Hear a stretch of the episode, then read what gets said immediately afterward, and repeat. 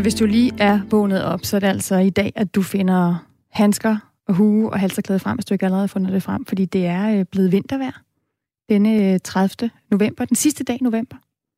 Det, jeg så, var det ikke i, i sidste uge, at den første sne faldt? Der var kommet sne tæt, øh, tæt på Varde. Så altså... Vi er klar til at komme i julehumør. Der, der, der er stadig håb om, om en hvid jul. Har du holdt, øh, har du holdt advent, øh, Christian Magnus? Det var første søndag i advent i går. Det er rigtigt. Ja. Øh, nej. Nej. Det har jeg simpelthen øh, det har jeg glemt. Det har du glemt? Der ja. var ikke noget med at få tændt lys i adventskransen? Nej, men det er som om, det der julestemningshalløj, det, det er sådan rigtig først indfinder sig, når kalenderen siger december. Okay. Altså, vi elsker advent hjemme hos os. Så der, der, blev tændt, der blev tændt lys i kransen, og der blev sunget. Der blev tændt lys i kransen? Mm. Sådan. Ja. Så er der jo kun, øh, så er der kun tre lys tilbage. Det er der nemlig. Ja. Og det betyder jo også, at nu skal man i gang med at få indkøbt alle... Nå nej, altså ikke indkøbt, fordi hjemme hos os er det nisserne. Men øh, man skal være klar med julekalenderen til de små poder. Anyway, det, er, det har vi lige en dag til. Det er 1. december i morgen, og øh, noget af det, vi skal tale om i dag, som kan ske i december, det er, at der kan komme en vaccine til Danmark. Det har vi fået at vide. Det har vi fået at vide af Ursula von der Leyen, altså EU-kommissionens øh, forkvinde. Øh, hun siger, at der kan snart være en godkendelse. Vi fik også at vide øh, af Magnus Heunicke her i sidste uge, at han regner med, at det kan ske allerede i slutningen af december, at de første danskere kan få et skud vaccine. Vi har allerede tidligere på morgen talt med øh, en vaccineekspert, øh, Martin Tolstrup fra Aarhus Universitet, som siger, han bud på den vaccine, der kommer til Danmark, det er Pfizer-vaccinen. Den har vist høj effektivitet, altså høj beskyttelse, men det er også en af dem, der skal være ved meget høje minusgrader, når den skal transporteres minus 80. Så øh, vi prøver lige at lave den her rejseplan for vaccinen. Altså, hvad sker der fra vaccinen krykker ud af laboratoriet, og fra den kommer ind i din skulder? Det kigger vi på øh, halv otte. Og fra en øh, vaccinerejseplan til en øh, burhøn-rejseplan. Øhm, fordi at øh, Fødevareminister Rasmus Prehn, han vil nemlig udfase øh, buræggene og dermed burhønsene. Og vi har tidligere haft øh, Peter Sandø, som er professor i bioetik ved Københavns Universitet med, øh, og han er også tidligere formand for Dyreetisk Råd. Og han sagde sådan her. Politikere laver en lov, hvis eneste formål er, at de kan pusse loven, fordi den vil ingen forskel gøre. Den vil ingen forskel gøre. Og det forslag, han omtaler, det er altså den her udfasning af buræg. Øh, men den udfasning, den sker helt af sig selv, siger Peter Sandø. Vi spørger den nye fødevareminister Rasmus Prehn om, hvorfor burhøn, burhønsene skal udfases netop nu, og det gør vi 20 minutter over syv. Du har tændt for Radio 4, og i studiet er det Stine Krummernd Dragsted og Christian Magnus Damskov, og klokken er blevet 8 minutter over syv. Biler, mælk og bøffer, det hele det skal være CO2-neutralt, øh, og sådan er det. Det er det nye buzzword, øh, klimavenligt produceret, og jeg ved ikke hvad. Øh, det her begreb det bliver altså plastret ud over de fleste typer af varer i supermarkedet i dag. Men er der nu også hold i de påstande? Det kan nemlig være svært for forbrugeren at finde rundt i, hvad der er bæredygtigt, hvad der er CO2-neutralt og hvad der er godt for klimaet. Så derfor så skal der være mere gennemsigtighed på området. Det mener et øh, politisk flertal øh, ifølge politikken i dag. Øhm, senest der har Arla lanceret en stor kampagne for mælk, yoghurt og ost, som ifølge selskabet altså ikke har noget klimaaftryk. Bagn Jelsø, godmorgen. Godmorgen. Vicedirektør i politisk afdeling ved Forbrugerrådet Tænk. Øhm, når Arla lancerer den her kampagne for mælk, yoghurt og ost, som ikke har noget øh, CO2-aftryk, er det så rigtigt? øh, altså, det som ligger bag ved deres påstand, det er, at de siger, at de laver klimakompensation. Men selve produktionen af mælken, øh, den er jo ikke klimaneutral. Det er stærkt klimabelastende at have øh, mælkekvæg, der skal lave, lave mælk. Øh, og, og der har vi jo simpelthen problemet efter vores opfattelse, fordi at når man køber et produkt, hvor der står CO2-neutralt på produktet, så vil man jo umiddelbart tro, at det er fordi, at selve produktet er produceret på en klimaneutral måde, og det er altså ikke tilfældet her. Men så er, er, det, er det selve begrebet CO2-neutralitet, som, som I ligesom øh, tager et opgør med her? Fordi der er jo, der er jo stort set ingen, øh, ingen produktion af varer, øh, som i sig selv er CO2-neutral. Nej, nej, lige præcis. Og det, øh, altså, jeg ved jo, at Arla, de sådan set gør rigtig meget for at nedbringe øh, CO2-udledningen fra øh, deres øh, mælkeproduktion. Og det, det er jo fint. Og det synes jeg, at det skal de fortælle deres kunder om. Det er jo sådan set også helt okay, at de laver noget klimakompensation. Jeg har ikke styr på øh, kvaliteten af de øh, programmer, de har med at gøre der. Det er jo stærkt omdiskuteret øh, klimakompensationsprogrammer, mm. og rigtig mange af dem øh, viser sig jo desværre ikke at holde ved de lover. Øh, men, men, men det kan jo godt være, at de har fundet fat i nogle gode programmer der. Det må de også godt fortælle om, men de skal ikke sige til os, at, at deres mælk er CO2-neutral, bare fordi de samtidig foretager noget klimakompensation. De to ting har sådan set ikke noget med hinanden at gøre. Men det, og så, der, vil, der vil Arla jo så sikkert sige, at de har faktisk rigtig meget med hinanden at gøre, fordi den CO2-udledning, som de så har på at producere mælk, jamen den kompenserer de for ved at plante nogle træer et sted. Ja, øh, det regnestykke, det er der forskere, der sætter stort spørgsmålstegn ved. Under, under alle omstændigheder, så er det ikke en egenskab ved selve produktet, vi er ude med at gøre. Det er noget andet, virksomheden samtidig gør. Øh, og, og det må de gerne fortælle om men det ændrer ikke ved øh, karakteren af det produkt, de sælger. Og der synes jeg, at det er vigtigt, at når vi køber produkter, så kan vi stole på markedsføringen af det produkt, fordi ellers så får vi forbrugere svært ved at vælge på en måde, hvor vi føler, at vi bidrager til den grønne omstilling, og den er der jo brug for. I øh, politikken i dag, der efterlyser klimaordfører fra Dansk Folkeparti, Radikale, SF, Enhedslisten, Konservativ og Alternativet øh, øget gennemsigtighed og kontrol med markedet, når det gælder virksomhedernes klimaløfter. Flere partier de foreslår altså en fælles mærkeordning som alternativ til, til de mindst 10 private klimastandarder, som altså i dag øh, tilbyder, at gøre, tilbyder at gøre en vare CO2-neutral. Det her, øh, Vagn Jelsø, med at være CO2-neutral, skal det bare, øh, skal det bare fuldstændig forbydes at, at sætte det markat på, på varer? Øh, jeg vil da ikke udelukke, at man kan forestille sig produkter, der faktisk er CO2-neutrale, men, men vores forventning til virksomhederne, det er, at de holder sig til meget konkrete udsagn, som de kan dokumentere og som der er, er, er belæg for.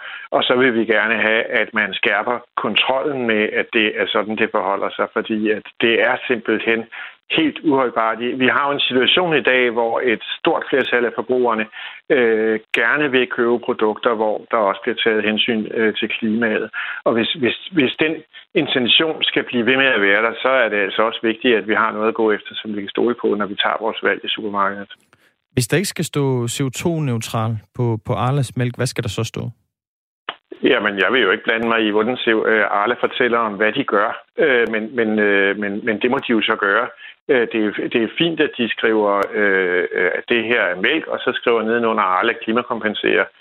Men det er bare ikke en egenskab ved selve den mælk, jeg køber. Mm.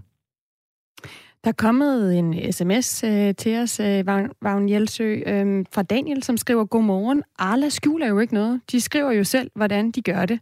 De CO2-kompenserer. Nogle ting kan jo ikke være helt clean. Arla spiller med åbne kort. Altså, hvis, hvis vi som forbrugere gerne vil køre øh, CO2-neutral, er det så ikke også vores eget ansvar at, at undersøge, øh, hvordan varerne faktisk er blevet produceret?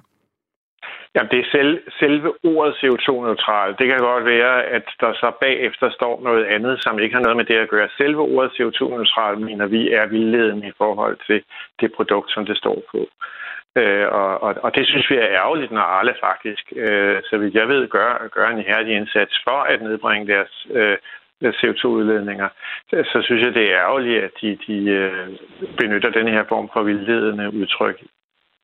Så når øh, Arla skriver øh, på deres hjemmeside, altså der har de en underside, der, hvor der hedder, øh, kan mælk være CO2-neutral spørgsmålstegn, og der står der, produktionen af mælk udleder CO2 faktisk en hel del. Men kan mælk være CO2-neutral?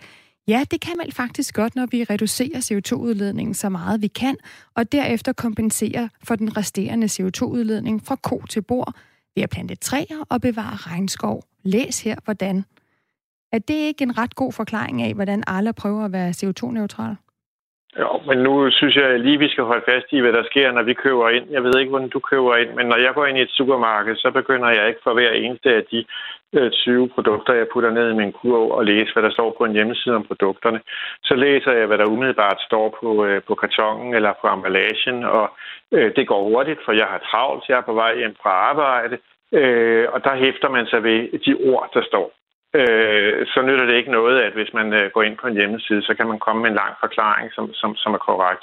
Det er ikke det, der vi kan bruge til noget i selve købssituationen i supermarkedet. Okay, så, så bare lige til sidst, så vi forstår, altså tror du ikke på den her idé om en fælles mærkeordning? Det, det har vi ikke taget øh, endelig stilling til på ting. Vi er nok altid lidt skeptiske over for ideen om at løse alle mulige problemer her i verden ved bemærkninger. Vi har jo rigtig mange mærker i forvejen, og øh, der er jo også øh, miljømærker, både på fødevarer og på andre ting. Vi har Øh, økologimærke, vi har øh, øh, den nordiske svane, vi har EU-blomsten osv. Og vi ser jo helst, at man simpelthen får puttet klimakriterier ind i de eksisterende miljømærker, fordi der er grænser for, hvor mange mærker forbrugerne kan, kan, kan huske og øh, have styr på, på indholdet i. Så der er en udfordring der, men det kan vi jo diskutere videre. Det vigtige er at holde fast i udgangspunktet, nemlig at der skal være ordentlig dokumentation på de ord, man bruger, og det skal være konkret, og det skal være øh, øh, faktuelt. Vagn Jelsø, tak fordi du var med. Velbekomme. Altså vicedirektør i politisk afdeling ved Forbrugerrådet Tænk. Klokken den er blevet 16 minutter over syv.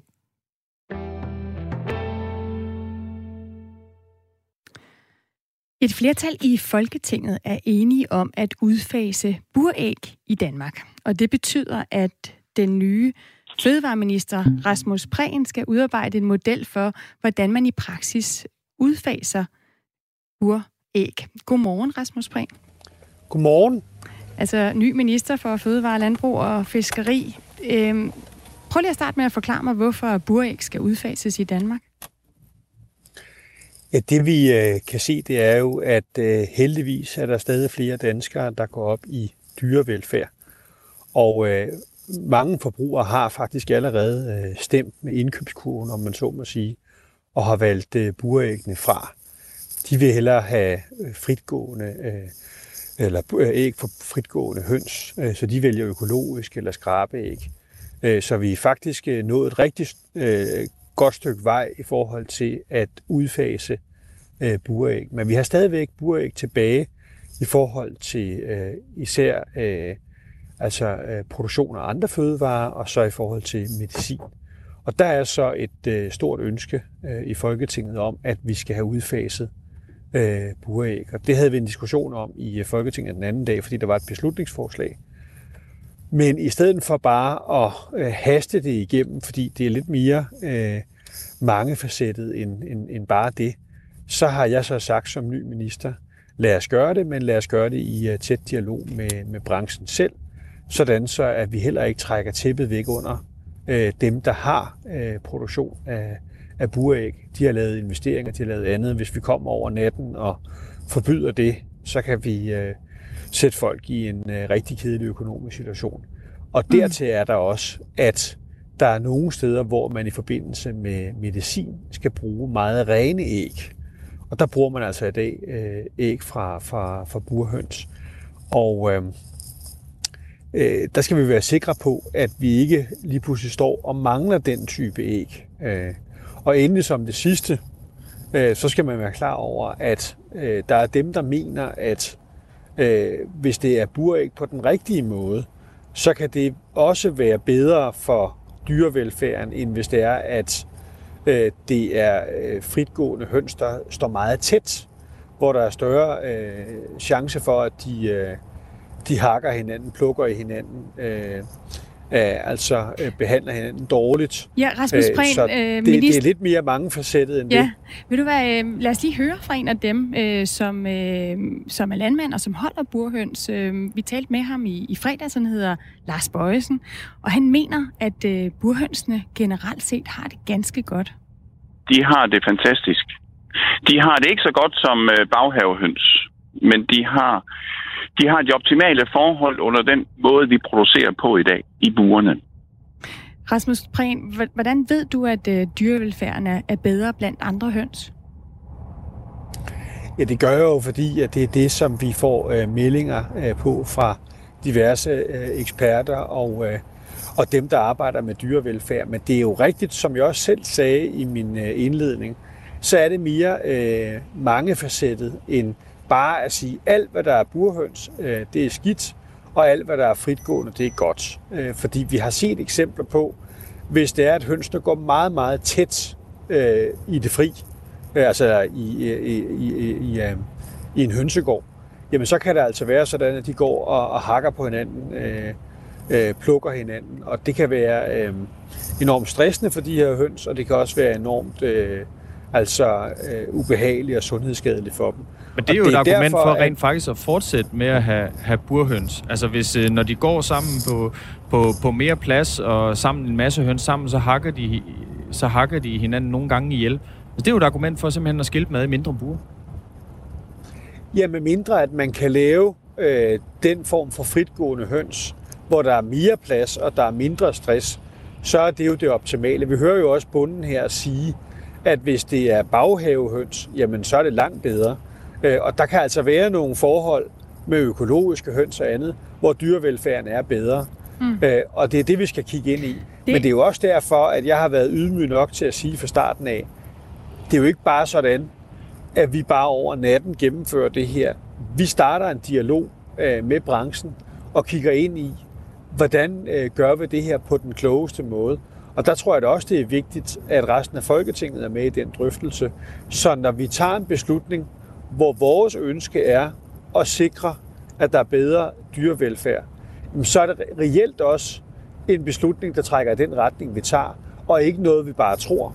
Øh, og det er derfor, at vi øh, nu arbejder med det over en periode, for at finde ud af, hvordan gør vi det klogest. Rasmus Prehn, øh, godt, så vi ved, at det er en udfasning, der, der er tale om her. Øh, de kloge videnskabsfolk, de har jo faktisk mål på det her, med hvordan de forskellige øh, høns, de har det. Blandt andet også burhønsene. Prøv lige at høre professor i bioetik ved Københavns Universitet, øh, som også er tidligere formand for Dyreetisk Råd, Peter Sandø den videnskabelige forskning viser, at det, man kan måle på, øh, stresshormoner, fjerpilning, kannibalisme, brækkede lemmer øh, og dødelighed, jamen der klarer burhønsene sig faktisk bedre end de andre. Så det er rigtigt, hvad, hvad Lars Bøjsen siger. Altså, burhønsene klarer sig på mange af de her parametre bedre. Så bare igen, hvorfor overhovedet overveje at udfase dem, når du, som du selv siger, der er mange facetter i det her, og på mange måder, så har burhønsene det faktisk bedre end andre typer høns. Ja, nu kommer det jo an på, hvad man øh, sammenligner. Hvis man øh, sammenligner øh, burhøns under de mest optimale forhold med fritgående høns under de mest elendige forhold, jamen, så er det rigtigt, hvad der bliver sagt øh, her. Men det er jo også sådan, at hvis man har fritgående høns under de mest optimale forhold, så er det langt at foretrække frem for burhøns, hvor man sidder øh, rimelig isoleret og ikke kan bevæge sig ret meget. Så derfor øh, så skal vi øh, hen, hvor at dyrevelfærden er, er bedst øh, tænkelig. Hvad er det de det, optimale forhold, er, Rasmus Brink? Ja, det er jo, at man både kan være fritgående og ikke er i en situation, hvor der er så meget stress, som det vi får beskrevet her, øh, hvor der er mulighed for at gå lidt rundt, og hvor at man ikke øh, bliver presset så tæt sammen, så man går og hakker hinanden. Det er det, vi skal have fundet frem øh, til, hvordan finder vi den øh, model. Mm. Øh, og der tror jeg, det er vigtigt, at man ikke øh, tager øh, og sammenligner burhøns under de mest optimale forhold med fritgående høns under de mest elendige forhold. Det må være sådan, at den målsætning, vi sætter op, det er bedre dyrevelfærd samlet set. Og det er altså øh, ved fritgående høns under optimale forhold.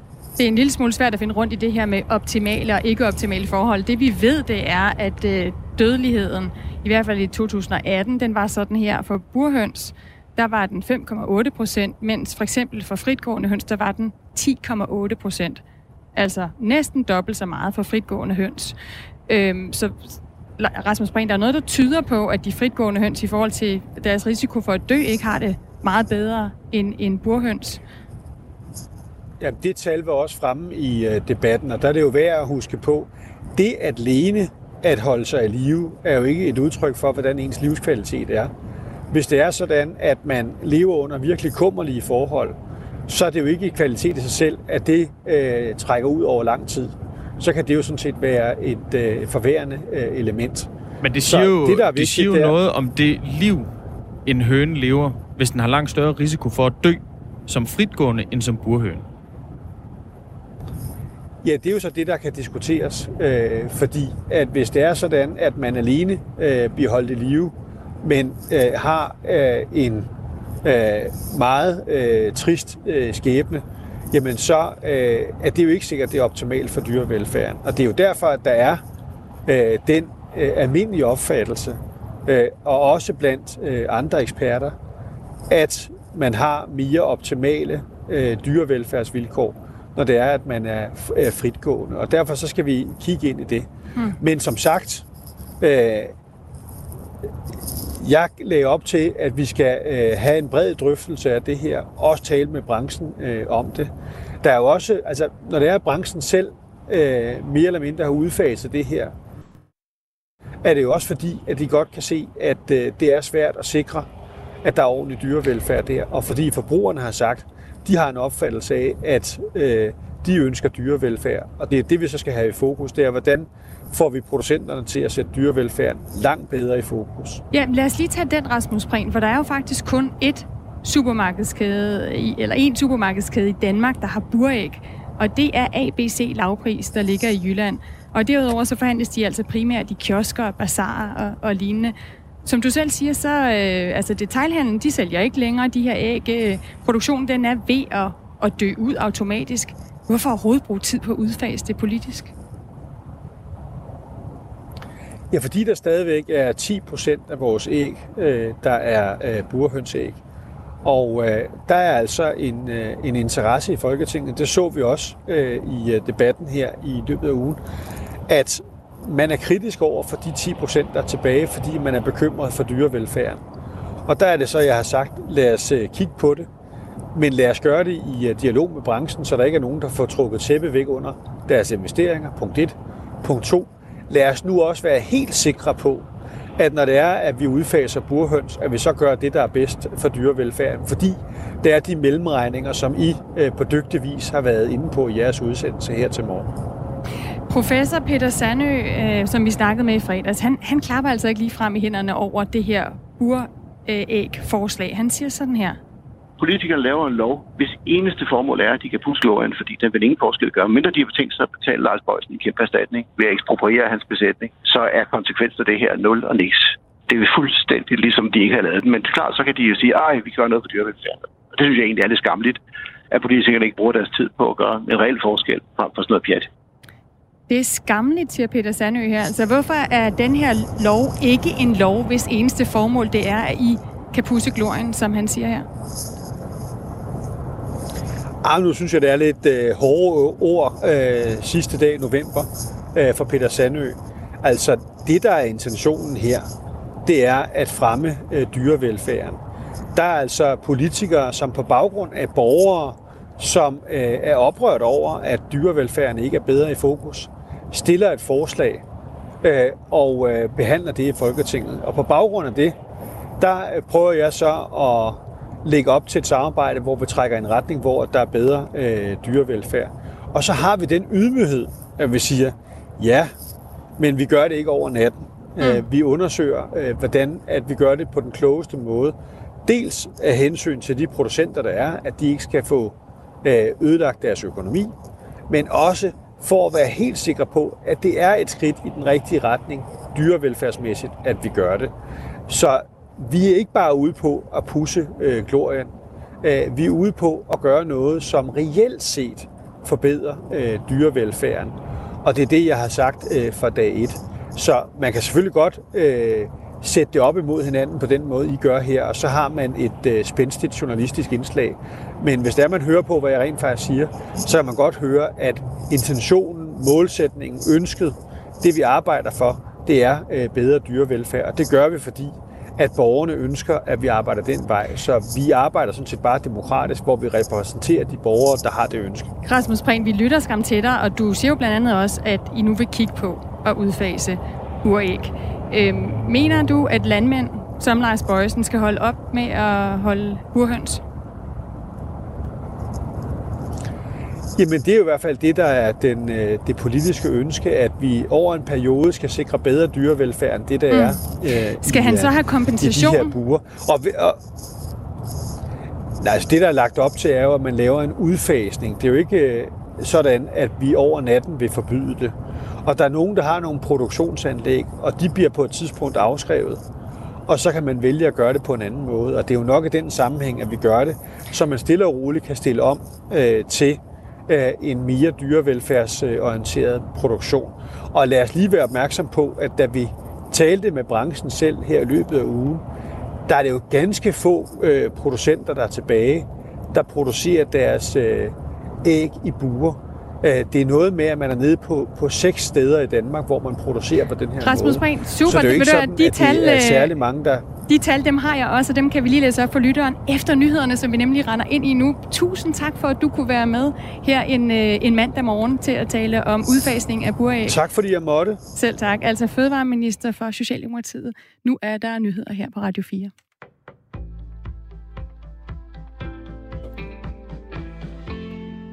En ny hjemrejselov, som sendes i høring i dag, skal få flere afviste asylansøgere til at rejse hjem. Pudsigt nok, så skal det blandt andet ske ved at forlænge udrejsefristen med en periode på op til 90 dage. Regeringen foreslår en såkaldt Go Prepare-ordning. Den skal gøre det muligt for et medlem af en familie uden lovligt ophold i Danmark, og som har indgået en hjemrejsekontrakt, at rejse hjem før resten af familien. De resterende familiemedlemmer får så til gengæld forlænget udrejsefristen. Familiemedlemmet, der er rejst i forvejen, kan så for eksempel forberede bolig og sørge for skolegang til børnene i hjemlandet. Det er meldingen fra udlændinge- og integrationsminister Mathias Tesfaye.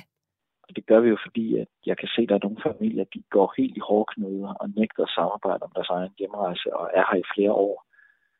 Jeg har prøvet at sætte mig i de familiers sted, og øh, kunne godt forestille mig, at der var nogle af dem, som har været væk fra deres land i mange år, og som slet ikke har noget, nogen forestilling om, hvordan de skal falde på plads i deres eget hjemland. Tesfaye kender ikke til andre lande, der har prøvet noget lignende. Lige nu sidder der ifølge ministeren 1.100 personer på de danske udrejsecentre, som har fået afslag på asyl, og det koster 300.000 kroner om året per snude at have dem indkvarteret. Så der er også en kæmpe økonomisk gevinst for det danske samfund, hvis vi faktisk lykkes med at få folk på flyet. Og øh, jeg tror, det er en blanding af pisk og gulerod, der skal få dem til at samarbejde om deres egen hjemrejse. Det familiemedlem, der er rejst i forvejen, vil som udgangspunkt ikke lovligt kunne genindrejse i Danmark. I dag åbner Google et milliarddyrt datacenter ved Fredericia, og allerede fra første dag er datacentret CO2-neutralt. Elforbruget på centret bliver nemlig dækket af fem solcelleparker, det skriver Google i en pressemeddelelse. De fem parker er spredt ud over hele landet og ligger blandt andet ved Gemming i Østjylland og Næstved på Sydsjælland. Ifølge selskabet er det datacenter mere energieffektiv end gennemsnittet. Det i Fredericia bliver et af de grønneste i verden, målt på antal timer med direkte grøn strøm. Datacenteret er Googles femte i Europa. Det har været to år undervejs og kostet 4,5 milliarder kroner. Jared Kushner, der fungerer som rådgiver for præ- præsident Donald Trump og som USA's udsending til Mellemøsten, er på vej til Saudi-Arabien og Katar. Det oplyser en højt placeret embedsmand i det hvide hus. Besøget, der finder sted i de næste dage, kommer midt i en højspændt situation i Mellemøsten efter drabet på Irans førende atomforsker i fredags, skriver Reuters. Kushner skal mødes med den saudiske kronprins. Herfra fortsætter han til Katar for at mødes med landets emir.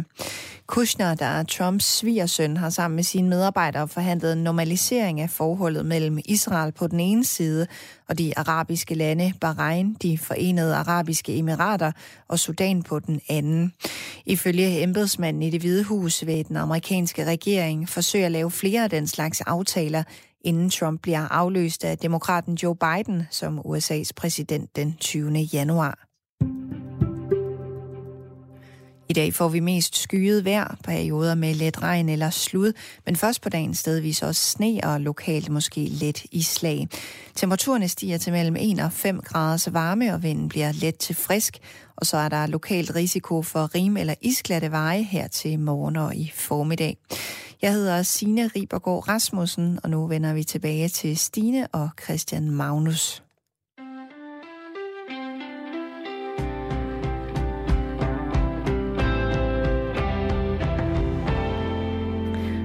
Og lige inden nyhederne, der havde vi Rasmus Spring, den nye fødevareminister, med øhm, til at tale om, hvorfor det er, at det nu skal være slut med buræg.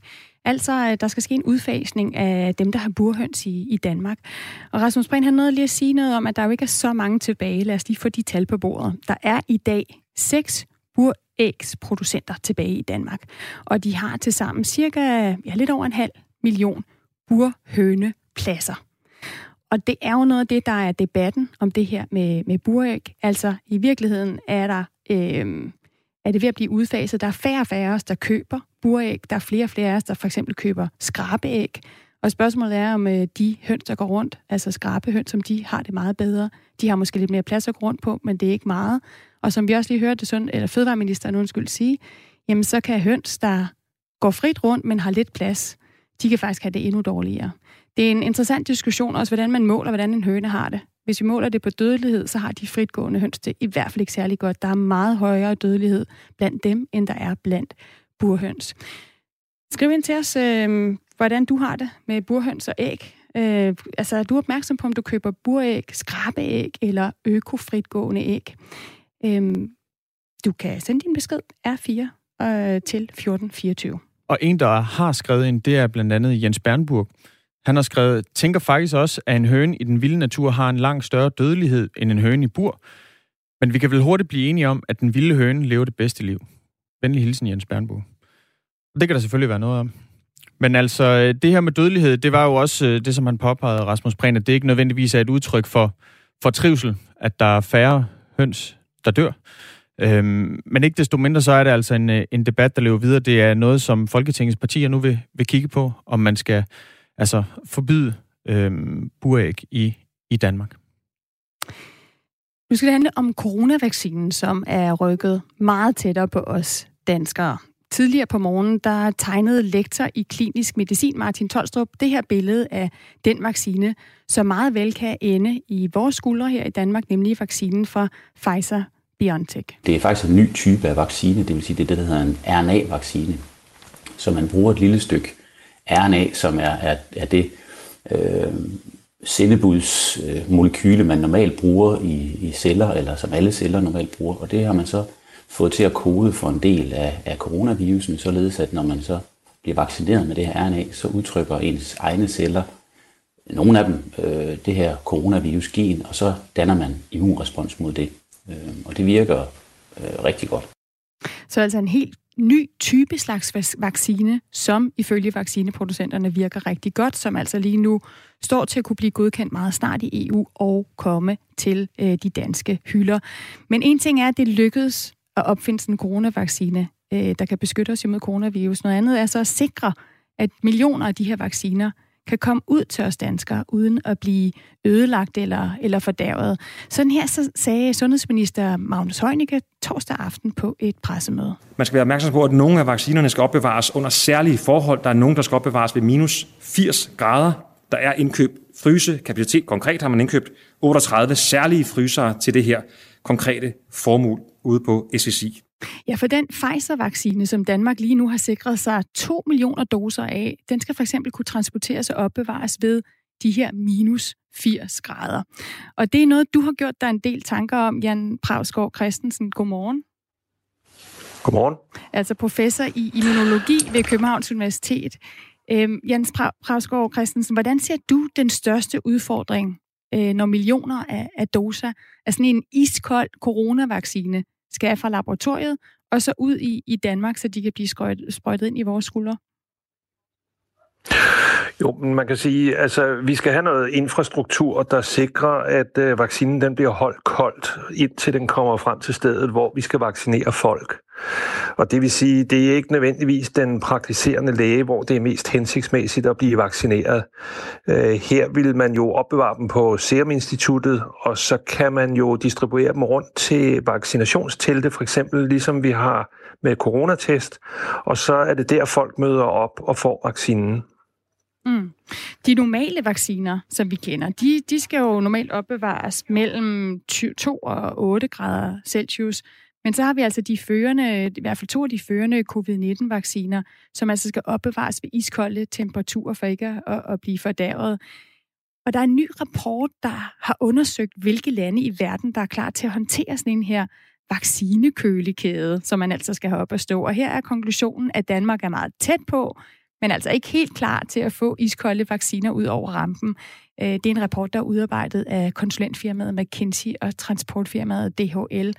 På et pressemøde i torsdag, så der lød det også sådan her fra, fra Søren Brostrøm øh, om at være klar. I samme øjeblik, at vaccinen lander øh, på dansk jord, så er det ikke sikkert, at vi samme dag går i gang med at vaccinere. Så der er noget kvalitetssikring ud i, øh, i hvad skal man sige, vores øh, system, så vi sikrer, at de her måske lidt skrøbelige vacciner bliver håndteret korrekt. Jan Pravsgaard Christensen, altså professor i immunologi ved Københavns Universitet. Kan du ikke lige prøve at beskrive sådan en vaccineforsyningskæde for os? Altså, hvad er vaccinens rejseplan fra den ankommer i Danmark? Er det så i Kastrup, til den kommer ind i min skulder? Nej, det er det ikke. Altså, det, det, den kommer jo formentlig med fly, eller måske med, øh, på lastvogn. Og så er det Serum Instituttet, der organiserer al uh, import. Så uh, det hele det vil ende på Serum Instituttet i deres fryser. Og det vil sige, når den står derude i fryseren, så har man jo altså også tid til at tænke sig om, hvad skal man så gøre nu for at komme videre. Og når den så skal ud fra Serum Instituttet, så vil den formentlig også blive transporteret i kasser hvor, øh, med tør is, hvor den kan have de her minus 70 grader.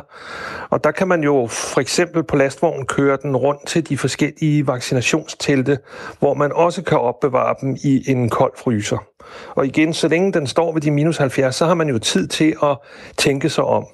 Det er først i det øjeblik, at ampullen bliver taget ud fra de meget kolde temperaturer og begynder at blive opbevaret ved øh, de der 2-8 grader, at så øh, falder holdbarhedstiden.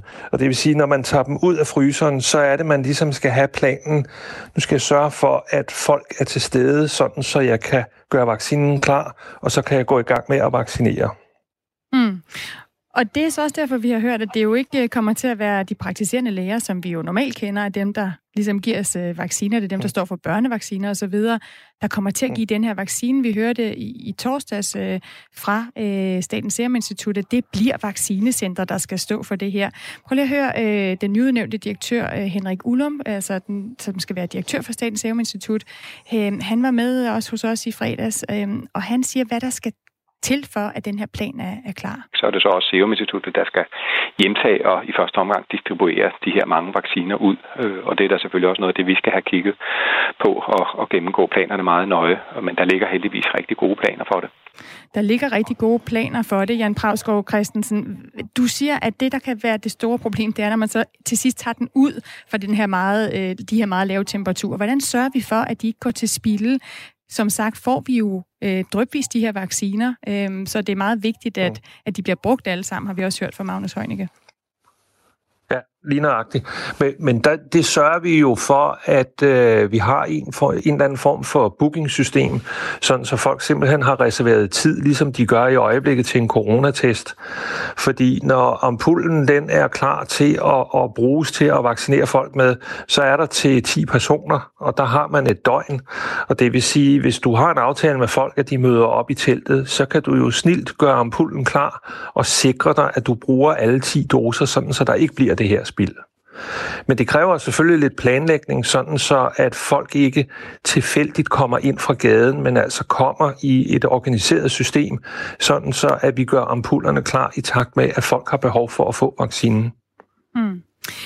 Jan Prasso Christensen, øh, tak for at prøve at give os den her, det overblik over rejseplanen og de udfordringer, der er med at få øh, vaccinen fra laboratoriet og, og ud til, øh, til vores øh, skuldre. Må jeg lige til sidst, vi har fået nogle spørgsmål fra, fra vores lyttere. Du er, du er en, der har godt øh, overblik over øh, vaccinerne og immunologi. Og øh, der skriver blandt andet HC ind og spørger, hvad med, hvad med bivirkninger? Vi har jo hørt øh, fra din kollega Martin Tolstrup, at det med stor sandsynlighed kunne være Pfizer-vaccinen, øh, som er den, der kommer først til Danmark. Ved vi noget om, om bivirkninger mm. i forhold til den? Altså, de, de forskellige firmaer, der har øh, arbejdet på det her, de er jo allerede begyndt at indrapportere dataene til blandt andet EMA.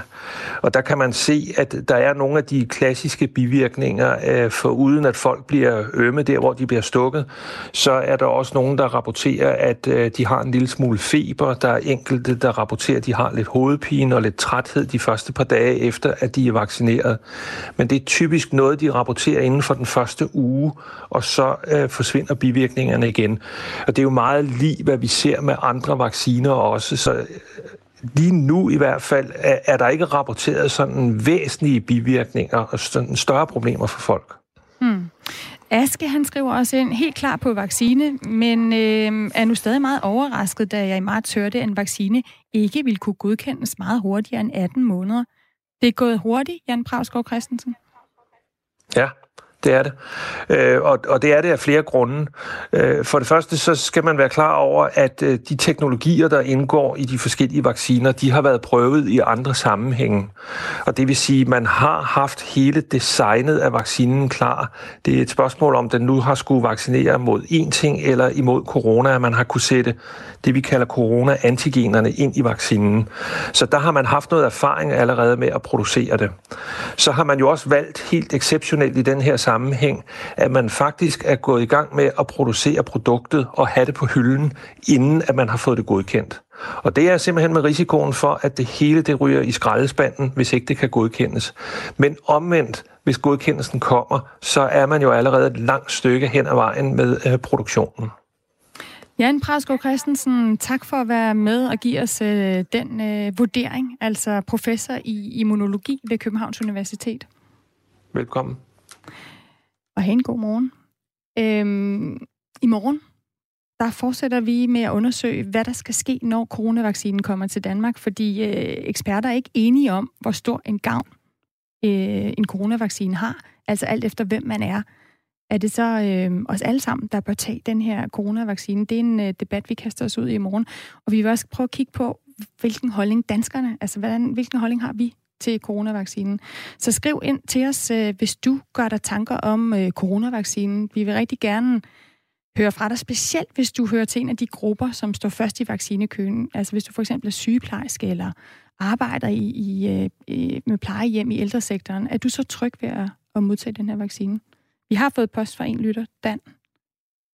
Han er klar. Han skriver, jeg skal vaccineres mod covid-19, og det kan kun gå for langsomt.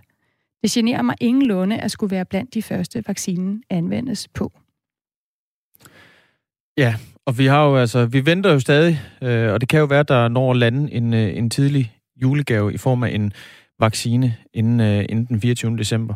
Øh, sundhedsminister Magnus Heunicke mente, at i bedste fald, så når vi at få en, øh, en vaccine til landet, altså inden årets udgang. Men som vi også lige hørte fra Jan Pravsgaard Christensen, og som der også blev understreget i torsdags ved pressemødet, det kan være i sidste øjeblik, også selvom de er nået så langt, de tre af de her vacciner, at det hele bliver smidt i skraldespand, for der skal en godkendelse til. Nu er klokken blevet 13 minutter. Ah, næsten 12 minutter i 8. Hov. Så laver vi lige en Så er der musik. ja. Der fik jeg ret. Det tager vi også med. Ja. Og dermed øh, videre til noget andet. Øh, vi, vi taler jo meget, øh, når vi taler politik i disse dage, så handler det jo meget om øh, mink.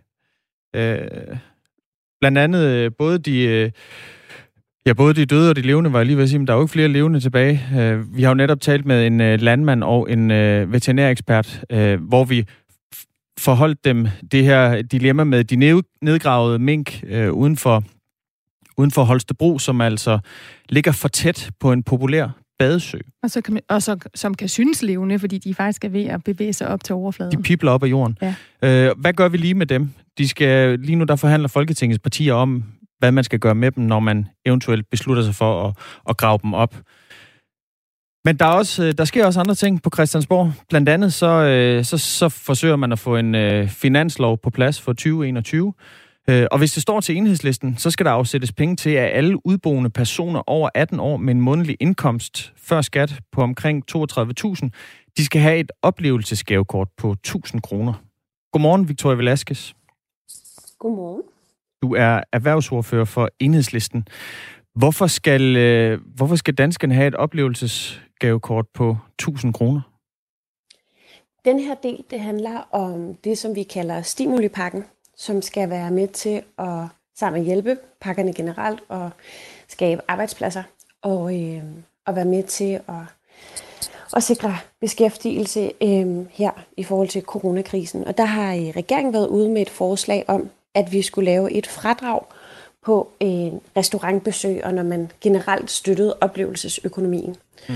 Og det er så det forslag, vi går ind og, øh, og laver et twist på, fordi fradrag, det normalt kommer dem, som har flest penge øh, på bankkontoen øh, til gode. Og her der vil det altså være et oplevelsesgavekort, så man får pengene på forhånd, og så vil det blive målrettet dem med en lavindkomst eller mellemindkomst. Så forslaget er ligesom, at vi både får gang i nogle arbejdspladser inden for oplevelsesøkonomien, men samtidig også øh, twister det sådan, sådan så det, øh, det rammer dem med mellem- og lavindkomster. Men et fradrag på restaurantbesøg, som du nævner her, det vil vel komme alle dem, som går på restaurant til gode? Nej, fordi det er jo sådan, at vi har en progressiv beskatning i, i Danmark. Øh, så fradrag, der vil det jo komme dem, der er tæt på for eksempel at betale topskat, eller som betaler topskat, eller så videre, så videre. Øhm, og der, derfor så altså- fradrag, det er ofte noget, som er, er med til faktisk i forhold til Gini og for uligheden til at stige. Hvor ved at, øh, at målrette gavekortet på denne her måde, øh, og målrette øh, bidraget til, at man skal gå ud og få øh, støttet oplevelsesøkonomien, det vil faktisk være med til at, øh, at få ligheden til at stige. Nu nævner du progressiv beskatning, øh, mm. men hvordan er et fradrag på restaurantbesøg øh, en progressiv beskatning? Jamen, det er netop det, det ikke er. Nej, men, men ja. hvad vil skævheden være i at give fradrag for restaurantbesøg? Så kunne man jo bare øh, skrive det ind på sin selvangivelse. Jeg har været på restaurant den og den dag, brugt så og så mange penge, og så kunne man få et fradrag for det. Jamen, det er der ikke så meget nyt i. Altså, vi Nej. kan jo generelt se på de forskellige fradrag, der bliver lavet, at, øh, at det jo primært kommer af dem, som betaler øh, topskat og så videre, så videre øh, til gode. Og øh, derudover så er det jo også dem, som jo så har mulighed for at kunne bruge flere penge, som måske er nogle af dem, der øh, bruger rigtig mange penge inden for oplevelsesøkonomien i forvejen, som jo så vil kunne få et endnu, før, endnu større øh, fradrag, hvor at her, så vil man jo kunne målrette det, sådan at nogle af dem, som måske enten ikke selv har råd til at gøre det, eller som i hvert fald øh, vil have færre begrænsninger og muligheder til at kunne gøre det, at, at de så vil også kunne få lidt lys i, i vintermånederne, så man kunne koble de to forskellige ting med forslaget. Nu, nu, nu fik jeg jo lidt øh, afsporet det her ved at snakke øh, restaurantbesøg og så videre, Victoria Velasquez, altså erhvervsordfører for Enhedslisten. Vi skal jo tale om jeres forslag. Det er, det er, den her, øh, det, er det her bidrag, som I vil give til cirka 3,3 millioner danskere. Øh, et, et oplevelsesgavekort på, på 1000 kroner. Øhm, hvordan forestiller du dig, at det, at det sådan helt konkret skulle se ud? Altså, så får man sådan lidt, lidt en, et, et gavekort tilsendt eller et eller andet, og så kan man bruge det man har faktisk lavet nogle lignende ting i, i andre lande, og det er noget af det, vi jo skal se på og blive inspireret af. Hvordan har de gjort det på den bedste måde, øh, sådan så at vi også får strikket det sammen på en god måde herhjemme i, øh, i Danmark. Øh, så hvis der er opbakning til det i de forhandlinger, der er, det er jo sådan så, at det er øh, de fleste af Folketingets partier faktisk, der er med til at forhandle stimulipakken nu her. Og hvis der er opbakning til, at øh, vi får sat gang i nogle arbejdspladser på den her måde, så, øh, så skal vi jo ind og se i detaljerne og lade os inspirere af, hvordan man har gjort i de andre lande. Jeres forslag er, at hvis man tjener op til til cirka 32.000 kroner øh, om måneden før skat, øh, mm. så skal man altså have det her oplevelsesgavekort. Hvis man tjener altså 32.000 før skat, så kan man jo godt betale for sin oplevelse selv, kan man ikke det? Jo, men det kan jo være med til at gøre, at man så måske øh, inviterer nogle, øh, nogle venner med, øh, eller at man øh, gør brug af noget, man måske ikke ellers ville gøre. Øh, så det er jo det er jo der, hvor vi kan se, at når der kommer generelt, og det er også det, som det, den økonomiske ekspertgruppe de, øh, de foreslår her i sommer, at når man generelt ser, hvordan man giver penge til nogle af dem med mellem- og lavindkomster, jamen så øh, har de en, ja, så har man en større øh, tendens til at, at gøre brug af dem. Øh, og på samme måde så kan vi se, at det med mellemindkomstgrupperne, de spider så lidt til, ud over de, øh, de 1000 kroner. Øh, det er jo ikke sådan, så at, at det skal være inden for rammen. Man kan jo også godt selv lægge nogle, øh, nogle kroner og nogle knaster øh, til de 1000 kroner. Men nu siger du, at dem med, dem med lavindkomster, de er mere tilbøjelige til at gå ud og, og ligesom bruge de her, øh, de her, øh, de her 1000 kroner, som, de altså, som altså vil blive, øh, blive øremærket til, til oplevelser. Øhm, hvorfor så ikke give altså nogle flere penge til folk, som tjener endnu mindre end 32.000, hvis formålet ligesom er, at de skal komme ud og bruge dem her nogle, nogle steder i oplevelsesindustrien? Det, det argument kan jeg sagtens følge. Det kan jeg sagtens være noget af det, vi går, altså at vi går hen ad den sti, og, øh, og så målretter pengene på, øh, på den måde. Øh, det synes jeg ikke er nogen dårlig idé. Det her det er jo så også en måde at kunne få øh, det bredt mere ud på, men det er jo klart, hvis man øh, afgrænser målgruppen, så kan man, øh, ja, så kan man jo for de samme penge få, øh, få øh, flere penge sendt ud til den enkelte. Hmm. Enhedslistens øh, forslag, eller jeres forslag, Victoria Velasquez, det vil altså komme øh, cirka 3,3 millioner danskere til gode. Øh, og tidligere i år, der var I jo blandt andet med til at få vedtaget, at alt, som var på offentlig forsørgelse øh, og andre ydelser, fik udbetalt 1000 kroner kontant. Øh, hvor skal alle de her penge komme fra? Det er sådan, som med stimulipakkerne og hjælpepakkerne, så er det en del af de øh, lån, som det er, at staten har taget. Og øh, som er dem, der... Ja. ja, generelt, det er også det, som øh, EU i forhold til statsstøttereglerne har lavet om. Mm. Så er det sådan, at de hjælpepakker, der bliver lavet i de forskellige lande, det er, øh, det er dem, som man låner, som der også har været tale om tidligere på året. Mm.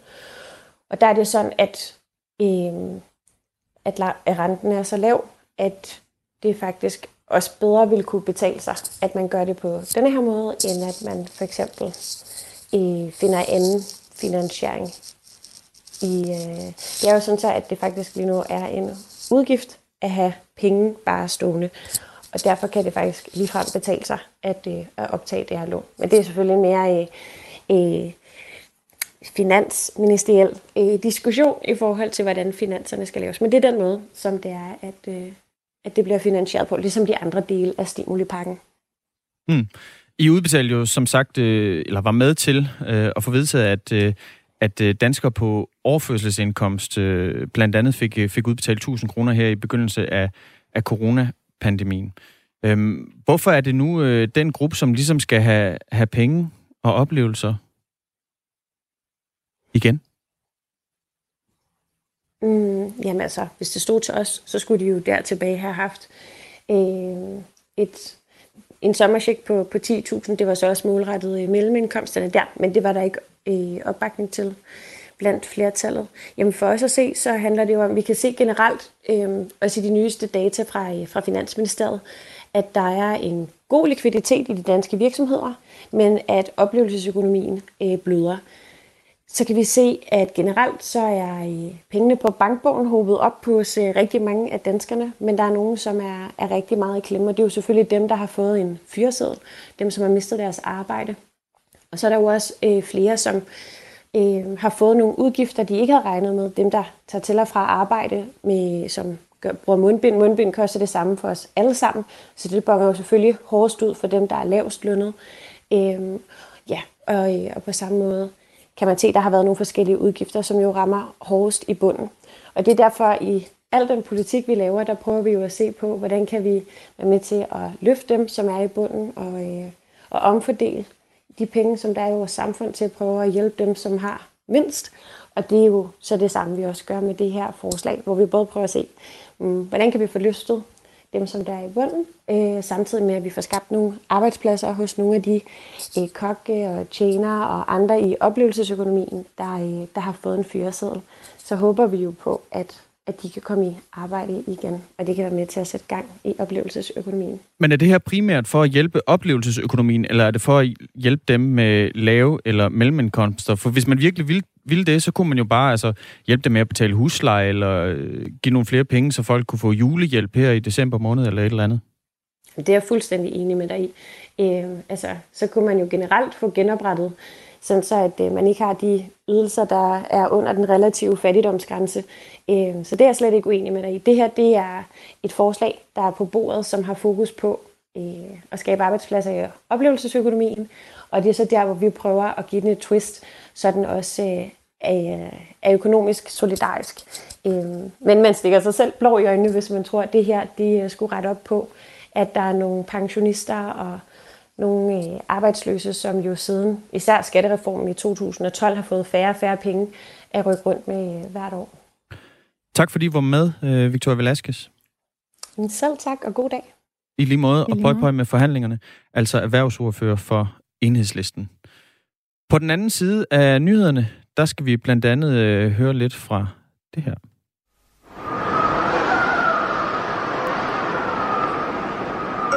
Men det bliver senere. Nu er der nyheder.